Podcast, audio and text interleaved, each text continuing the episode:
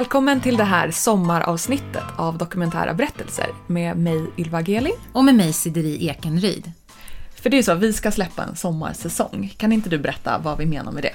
Ja, men det är så häftigt och roligt nu för att vi kommer välja ut nio stycken avsnitt som vi tycker ska gå i repris under hela sommaren faktiskt. Just det. Och då har vi tänkt så här. Vi har 70 avsnitt. Det är en katalog och ett bibliotek med 70 avsnitt. Det är väldigt mycket att navigera i som lyssnare. Några av er kanske är nya lyssnare och vi vet att vi har många trogna lyssnare. Men det kan vara så att man har missat något avsnitt och då är det ju bra om man helt enkelt kan få lite guidning av oss här. Mm, precis, så vi vill också passa på att berätta kanske lite mer om vilka vi är och vad vår podd bygger på hur vi tänker kring vår podd Dokumentära berättelser. För det är ju så att vi träffades på journalistutbildningen 2016. Ja. Och eh, sen dess har vi faktiskt poddat tillsammans och tycker det är jätteviktigt att våra avsnitt handlar om starka berättelser som finns runt om oss i samhället men också att man som lyssnare lär sig någonting. Exakt. Och jag minns Ylva första gången jag träffade dig, för vi gick ju den här utbildningen journalistik för akademiker. Mm. För du är ju botten statsvetare och jag är ju legitimerad gymnasielärare i psykologi och samhällskunskap. Mm. Så det hade vi med oss i grunden. Jag har även jobbat som rektor och jag jobbar ju fortfarande på psykologigymnasiet. Mm. Men det vi jag märkte första dagen när jag såg dig, det var wow, henne tror jag skulle klicka med. Så kom du fram till mig och lånade en penna. För vi skulle göra så allmänbildningstest och så skulle man göra ett man ska lyssna på ett radioprogram och sen skulle man skriva en recension om det. Mm. Och sen eh, splittrades vi där. Och sen sågs vi igen på första uppropsdagen. Och då tänkte jag gud vad kul att hon Kom in också. kom in. Ja. Så då klickade vi igen och vi var ju ofta fika ihop och jobbade ihop. Och Ja, Sen gjorde vi vår, vårt examensarbete ihop, kommer du ihåg det? just det. Om män som eh, säljer sex till kvinnor faktiskt. Som vi sen lanserade här i Dokumentära berättelser som ett eget avsnitt. Ja. Så det kan ni gå tillbaka och lyssna på också. Men ja, men precis. Som du var inne på, så att tanken med det här avsnittet är ju också då att vi ska hjälpa er lyssnare att navigera lite i vår katalog nu då, som består av 70 avsnitt och ni ska kunna hitta tillbaka till kanske gamla eh, berättelser som ni har missat eller för er nya lyssnare att, att lära känna vår katalog. För det är ju så att inför produktion av en säsong så tänker vi i olika kategorier, liksom olika tårtbitar. Kan inte du berätta Jo. vilka det är? För det är ju verkligen så, i början av säsongen, då se, du och jag träffas ju såklart, vi är vår egen lilla redaktion. Och vad är det vi vill ha ut av de här avsnitten? Och då är det verkligen så att vi vill ha sån bredd som möjligt. Och den här bredden är då som fem olika pusselbitar. En är psykisk ohälsa, en är religiösa samfund, en är parapsykologi, en är brott och straff och en handlar om sex och relationer. Precis, och det är det vi ofta får feedback eh, kring av våra liksom, trogna lyssnare. Att det är just den här bredden som, som är vår styrka. Att det är en väldigt variation i eh, temana på avsnitten. Exakt. Så att så kommer det också bli för den här sommarsäsongen där vi släpper avsnitt på nytt då, att de följer olika teman. Så till exempel då tema sex och relationer, då kommer vi på nytt släppa det här avsnittet Vi swingers för alltid. Där vi har träffat ett par som eh, lever som swingers tillsammans. Och sen släpper vi också på nytt det här avsnittet Min man la ut mig på en porrsajt. Och det här avsnittet om att sälja sex i Berlin. Båda de här avsnitten, eller alla avsnitten, är ju väldigt, väldigt starka. Och här kommer ett smakprov då från avsnittet Från strippa till sexsäljare i Berlin. Förbudet mot att köpa sexuella tjänster trädde i kraft i Sverige år 1999. Då var vi det första landet i världen som kriminaliserade själva köpet men inte försäljningen av sex. att börja sälja sex, det är inte bara någonting som händer över en natt. Alltså jag vaknade inte upp och bara oh wow, jag ska sälja sex idag, vad roligt. I det här avsnittet träffar vi Hanna som under många år levde och arbetade som sexsäljare i Berlin där det fortfarande är lagligt att köpa sex. Eh, Så jag kunde ju lätt ha liksom fem, sex kunder per pass.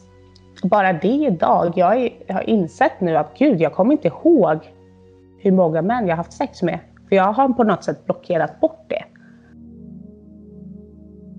Ja, det krävs också. Vi vill veta vad som skiljer Sverige och Tysklands rättssystem när det kommer till sexköp. Därför hör vi i det här avsnittet advokat Caroline Brännström som arbetar vid Vega Advokater. Eller att man på något sätt har en, en koppling till Sverige, alltså att svensk domstol har jurisdiktion som det heter.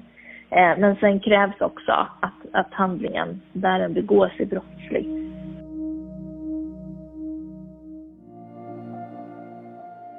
Hanna växer upp i Vallentuna utanför Stockholm tillsammans med sin mamma, sin mammas man och sin bror.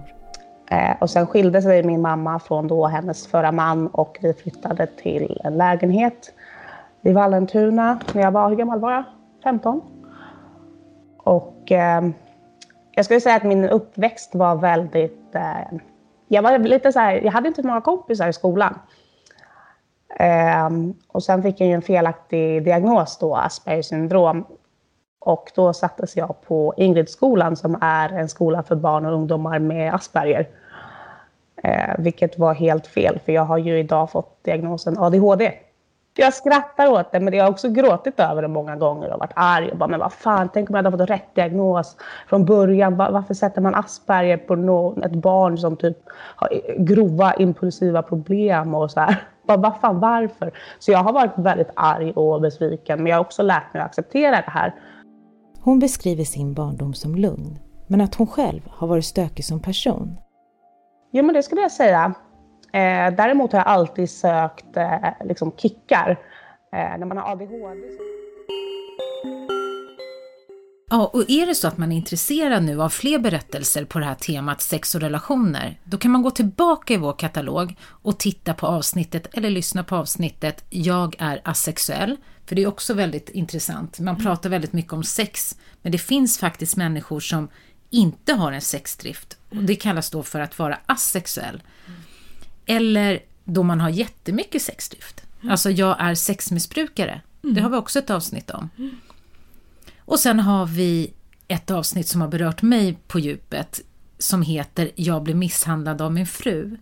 Man kanske tror att en man kan inte bli våldtagen, men den här mannen upplever verkligen att han blev våldtagen av sin fru och både psykiskt och fysiskt misshandlad. Mm. Hur vanligt är det? Vi pratar ju också med en expert kring det här. Mm. Och sen då nästa kategori som vi brukar göra avsnitt om är då brott och straff. Och i sommar kommer ni därför kunna lyssna återigen på avsnitten om pojken i källan. Och det är ju en jätte, jättestark berättelse om Ronald som eh, ja, i princip sen han föddes blev instängd i källaren och fick eh, växa upp där nere i sina första tio år i livet. Och vi kan lyssna här på ett klipp från avsnittet. Då och då frågade ju personal i skolan då, hur, har, hur är det egentligen? Vad så, vad, hur har du det hemma? Jo, det är bra. Ja, alltså, man vågar ju inte berätta. Man vågar inte. Man är uppfostrad med eh, hot och våld och misshandel och så tar man det för normalt. Man vet inte ens att så här är det inte i andra hem. Vi hade tydligen, jag tror att vi hade ett ganska vackert hem, men jag kan inte beskriva det för jag var aldrig där. Utan jag var i källaren.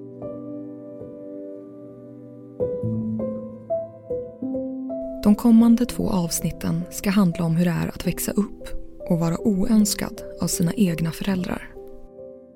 Men det är också en berättelse om att det går att använda sina egna erfarenheter till att hjälpa andra människor i kris.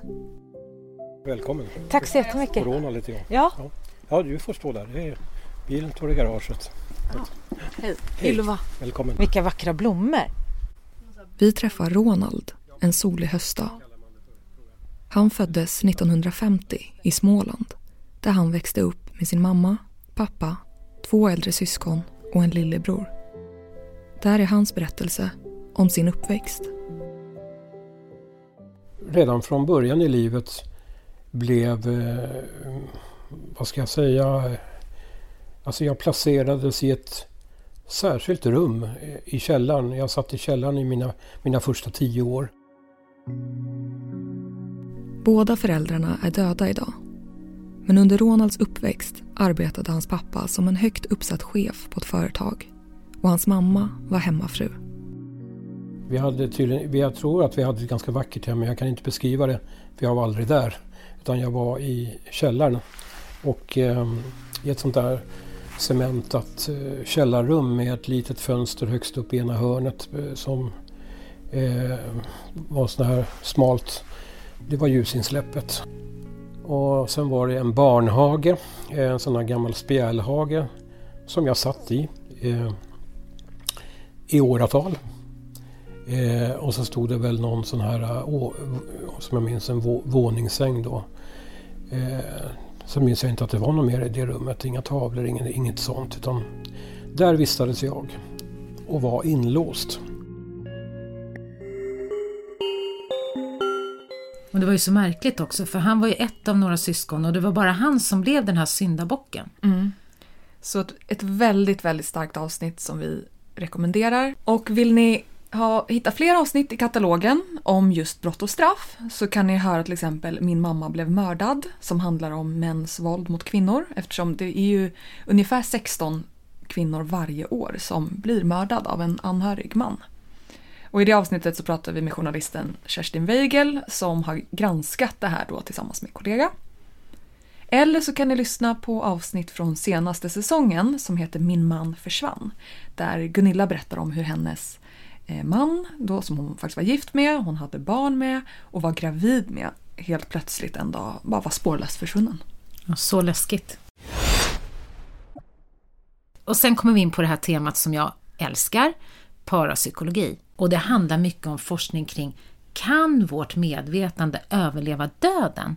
Alltså du hör ju. Mm. Så i sommar lyfter vi från den här kategorin avsnittet Jag ser spöken. Och då får ni höra Camilla som är medium bland annat i TV4s Det Okända. Vi lyssnar på ett klipp från avsnittet. Mer än var tredje svensk tror på paranormala fenomen, det vill säga händelser som inte kan förklaras av vetenskapen. Det visar en rapport från Vetenskap och fortbildning från 2015. Min första mediala upplevelse skulle jag nog säga var när min morfar gick bort. Eh, jag var sju år gammal. Jag hörde honom ropa på mig. Eh, och det kändes väldigt bekant och det kändes varmt och det kändes som att det var någon jag kände. Eh, jag gick ut i hallen, kommer jag ihåg, från mitt barndomsrum där jag satt och lekte. Jag gick ut i hallen och, undrade, men det är ju ingen här. Och jag känner igen att det är morfars röst. Kommer ihåg att jag berättade det för min vän. Och det slutade med att hennes mamma ringde till min mamma och frågade varför jag skrämdes.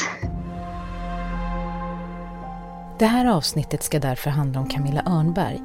Hon har arbetat som medium i över 20 år och säger sig kunna ta in information från andra sidan. Hur arbetar hon och hur upplever hon kontakten med andevärlden? Ja, men I ett av fallen till exempel, där, där upplevde jag att den här unga mannen, han levde inte längre. Jag kunde se ungefär var han låg i vattnet.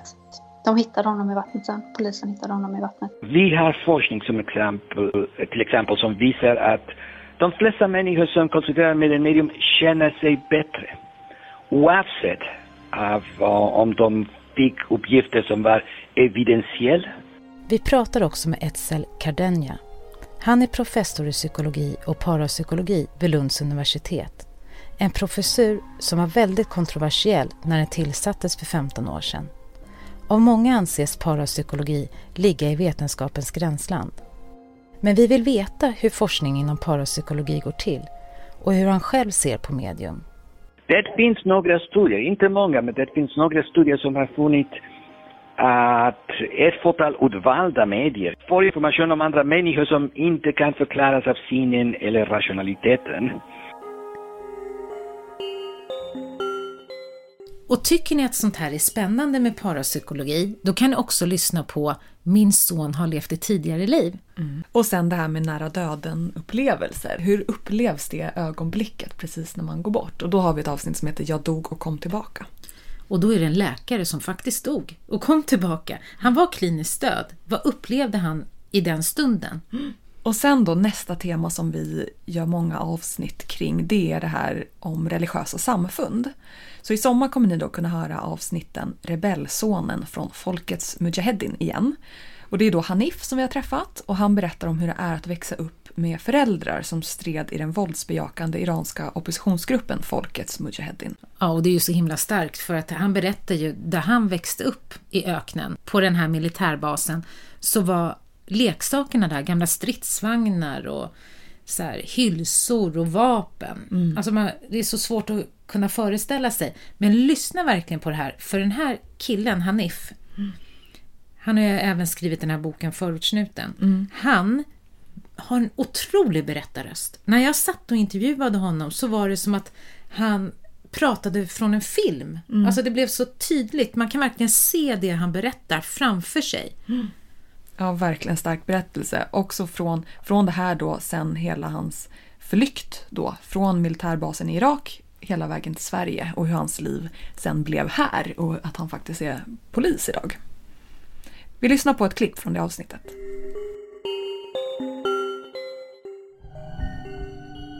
Och min uppväxt har varit präglad av att mina föräldrar är hjältar. Vi är goda. Mina föräldrar är krigare, de är hjältar och de kämpar en viktig kamp mot de onda mullorna i Iran. I de kommande två avsnitten ska vi få höra Hanifs historia. Om hur det var att växa upp med föräldrar som stred för den våldsbejakande iranska oppositionsgruppen Folkets Mujahedin och om livet på en militärbas i Irak. Och så småningom så vart situationen ohållbart när det var så pass mycket krig och mina föräldrar bestämde sig för att de skulle skicka iväg oss eh, utomlands. Nästa problem är att om man ska ta sig därifrån, vart ska man ta sig vägen? Alltså var ska man ta vägen? Därför poängen är att de flesta av dem har ju bara iranska pass. Vi kommer också höra Rosbe Parsi om vilka folkets mujahedin är, deras historia och ideologi.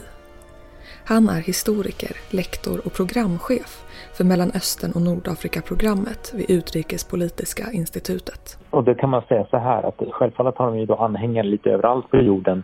Du kan se det i Sverige också. Det brukar vara de här som står med fotoalbum avrättade och torterade människor och vill ha underskrifter och bidrag. Det är Mujahedin Chak.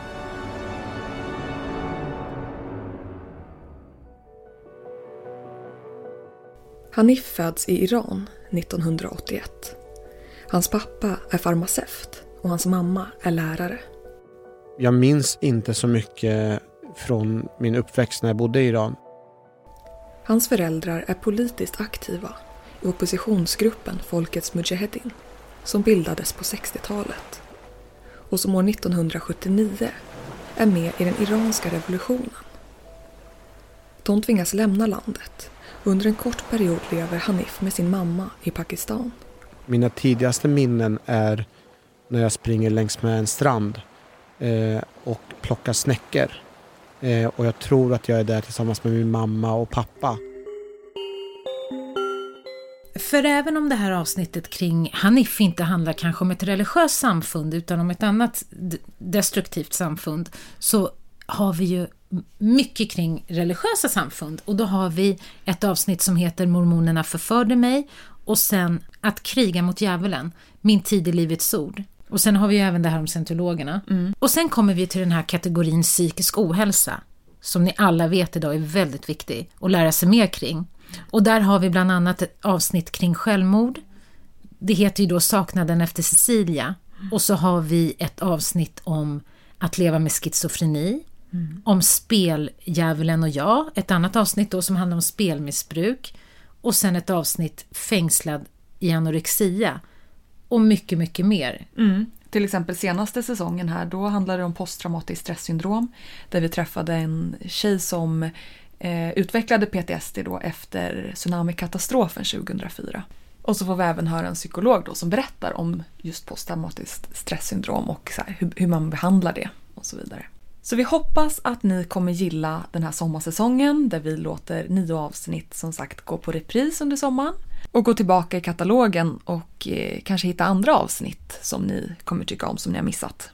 Ja, hörni, nu börjar det här avsnittet lida mot sitt slut och vi vill verkligen tacka alla er som lyssnar på oss, för det är för, verkligen för er vi gör det här. Mm. Och så vill jag också säga, eller vi, att gillar ni avsnitten så gå gärna in och gilla dem också och kommentera, för det är verkligen det som sporrar mig och Ylva att fortsätta podda. Just det.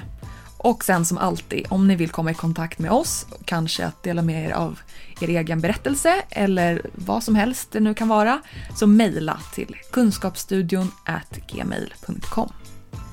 Ha en härlig sommar nu!